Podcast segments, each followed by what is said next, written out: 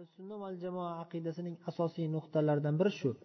Vala shay'a mislu ya'ni islom ichidagi musulmonlikni davo qiladigan odamlarni ichidagi toifalarni ichidan alohida haqiqat yo'lida ajralib turgan ahli sunna val jamoa aqidasining asosiy nuqtalaridan biri mana shu vala shay'a mislu alloh taologa o'xshash hech narsa yo'q. Alloh taolo qur'onda aytganda hozir keyinroq muallif imom tahoviy o'zlari ham ushbu oyatni keltiradilar. Laysa shay. Alloh alloh taologa o'xshash hech narsa yo'q degan oyat bor oyat karima. Va u zot eshituvchi va ko'rib turguvchi zotdir. Alloh taoloni hech narsa ojiz qoldira olmaydi. Alloh taolo ojiz qoldiradigan hech narsa yo'q deb aytdik. Vala ilaha g'oyruhu alloh taolodan boshqa hech qanday iloh yo'q. Ya'ni ibodat qilinishga haqli iloh yo'q. Ammo lekin iloh degan atama yopishtirib qo'yilgan narsalar ko'p. Ya'ni botil ilohlar ko'p. Odamlar tarafidan maxluqlar tarafidan ba'zi bir maxluqlar tarafidan nohaq ravishda sig'iniladigan iloh qilib olingan turli xil ilohlar bor. Botil ilohlar hammasi ammo lekin haq iloh bitta. Allohdan boshqa hech qanday haqiqiy ibodatga haqli hech qanday iloh yo'q ollohdan boshqa. Faqatgina ollohning o'zi ibodatga haqli bo'lgan yagona olloh yagona iloh. Shu o'rinda tavhid aqidasi ya'ni alloh taoloni yagona deb e'tiqod qilish masalasida ahli sunna va jamoa ulamolari alloh taoloning yagonaligini tushuntirishda tavhidni uch qismga bo'ladilar. Birinchi qism deb alloh taoloni rububiyatini aytishadi ya'ni parvardigorligi. Bu qismni odam alayhissalomdan tortib hozirgi davrgacha deyarli barcha insoniyat tan olib kelgan. Juda kamdan kam kimsalar buni inkor qilgan. Va inkor qilganlarni o'zini orasiga qarasangiz inkor qilganlarni ichida bir qanchasi tilida inkor qilgan qalbida sezib turgan gapi botilligini.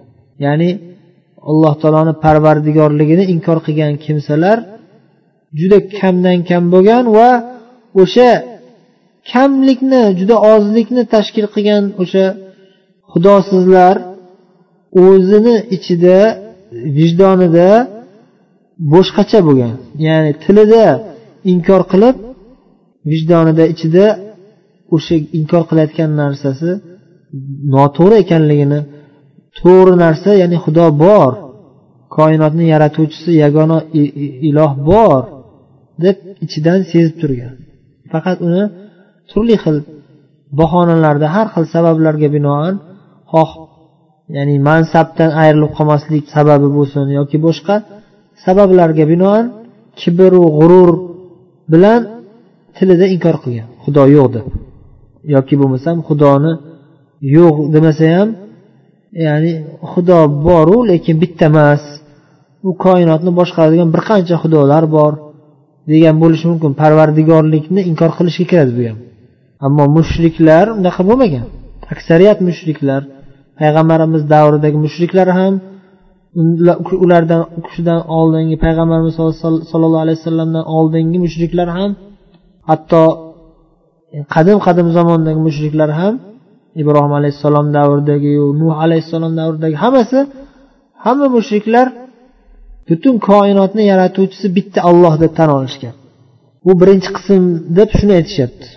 Ulamolar ahli sunna va jamoa ulamolari birinchi qism tavhid birinchi qismi tavhid qismlarining turlarining birinchisi rububiyat parvardigorlik tavhidi deb shuni aytishadi. Ya'ni koinotni yaratuvchisi bitta ekanligini tan olish osmonu yerlarni butun vujudni yaratuvchisi yagona olloh yagona iloh bitta zot yaratgan deb tan olishlik bu o'sha tavhid rububiyaga ollohni parvardigorligiga iymon keltirish. Bu birinchi qism. Qalbdagi e'tiqodiy pog'onalarni birinchisi desak ham bo'ladi. Ya'ni birinchi bo'lib shu narsaga iymon keltirsa keyingisiga iymon keltirish oson bo'ladi. Bu narsa fitratdagi bor narsa.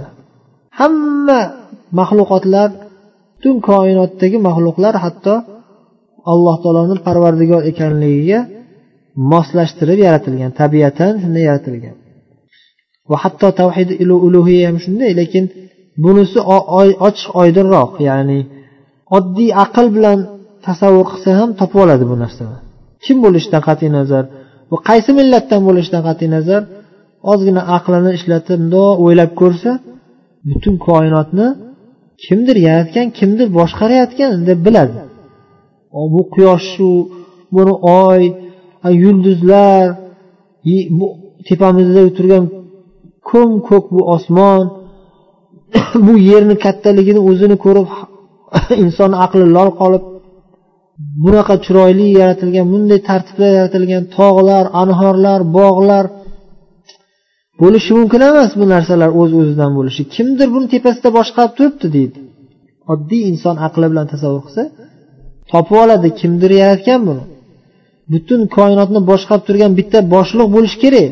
Agar bitta boshliq bo'lmasa bu koinot bunaqa tartibda turmaydi. Odar to'ntar bo'lib ketadi. Va aslo vujud bu vujud paydo bo'lishi mumkin emas. Qanday qilib o'zidan o'zi paydo bo'ladi bu narsalar? deb alloh taoloni rububiyatini topib oladi oddiy aql bilan. O'ylab qarasa aqlni ozgina ishlatsa. Va undan tashqari haligi aytganimizdek tabiatan shunga moslashtirib yaratilgan insonni o'zi ham va boshqa barcha maxluqlar ham tabiatan o'zi alloh taologa parvardigorga intiluvchi qilib yaratilgan. Ya'ni bitta misol oddiy misol boshiga og'ir bir musibat tushib ana shu musibatdan qiyinchilikdan qutulish uchun har yoqqa boshini urib rosa harakat qilib hech ham qutulolmasdan juda og'ir holatga tushib qolgan odam ich ichidan ezilib o'z uz o'zidan osmonga iltijo qiladi. Tepaga ketadi. Ya'ni yuragi yoki vijdoni yoki ichi qalbi qandaydir bir ya'ni ruhi tepaga intiladi. Osmonga tortiladi. O'z uz o'zidan tili bilan aytmasa ham ichi ichidan shunday bir tuyg'ular shunday bir ma'nolar paydo bo'lib shu hamma narsaga qodir tepada bir parvardigor bor o'sha menga yordam bersa o'sha qandaydir o'shanga iltijo qilgandek bo'lib ezilib shu tuyg'ular bilan yalinganday bo'lib turadi.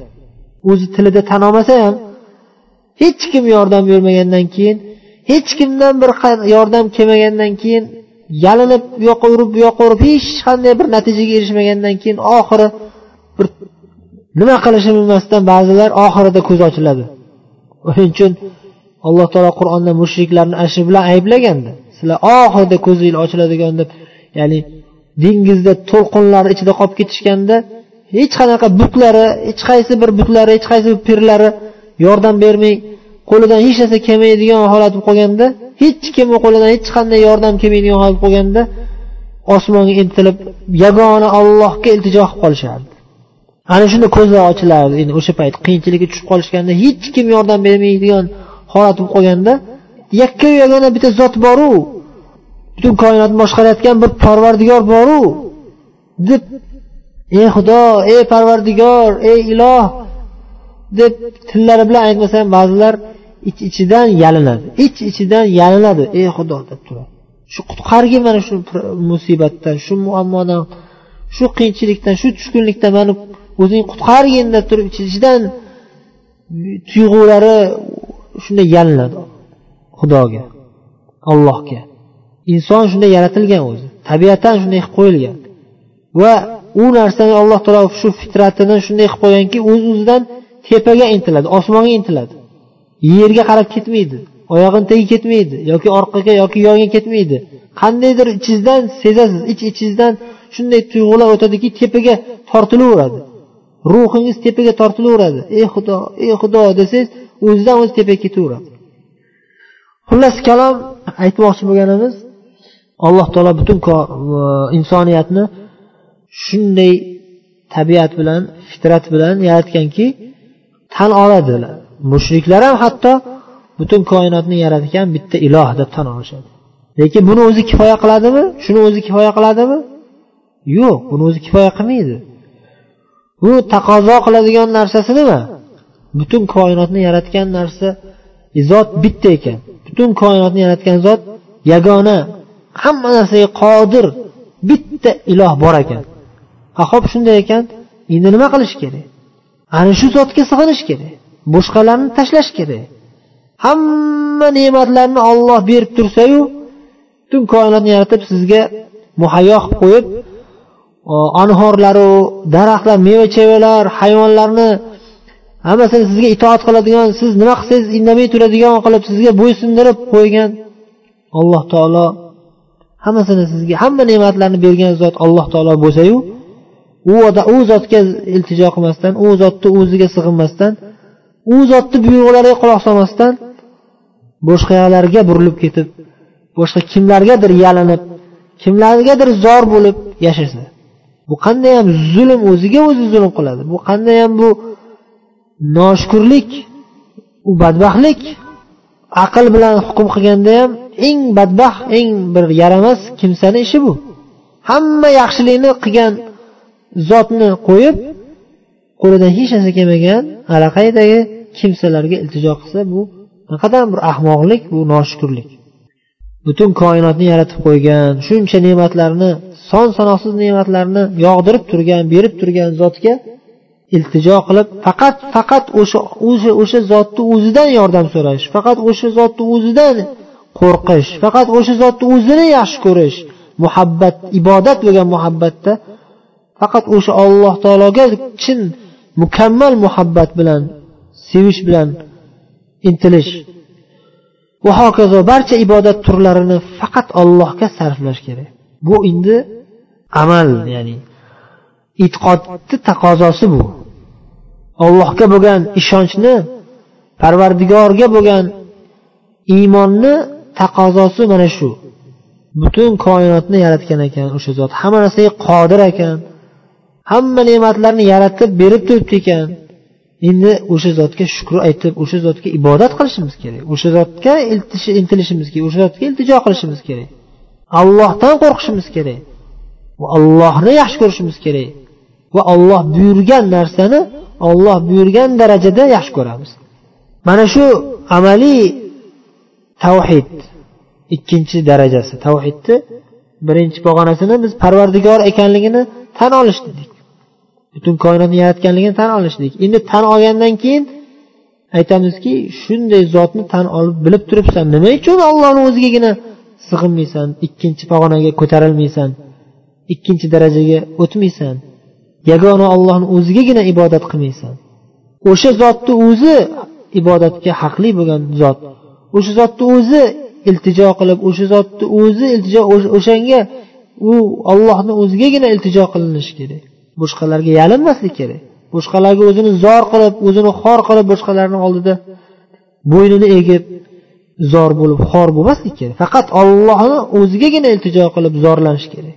Ibodat degan nima degani o'zi? Hatto arab tilida ibodat kalimasi tadalluldan ya'ni xorlanish ya'ni ollohni o'zigagina xorlanamiz biz. Faqat ollohni oldida xorlanamiz. Chunki olloh hamma narsa olloh bir lahzada bizni o'ldirishi mumkin. Bir lahzada o'zi bizni eng qattiq azobga kirgizishi mumkin olloh asrasin. Ollohdan qo'rqamiz. Ollohni o'zigagina yalinamiz. Iltijo qilamiz. Demak mana shu ibodat tavhidul ibada ham deb ataladi. Ibodatda yagona allohni o'zigagina sig'inish tavhidul ibada ham deyiladi va tavhidul ilahiya yoki tavhidul ulug'iya deb ham aytiladi. O'sha ollohni parvardigorligiga iymon keltirishlikni natijasi bu. Va o'sha alloh taolo parvardigorligiga iymon keltirishlik taqozo qiladigan narsa. Mana shu nuqtada juda ko'p odamlar adashgan.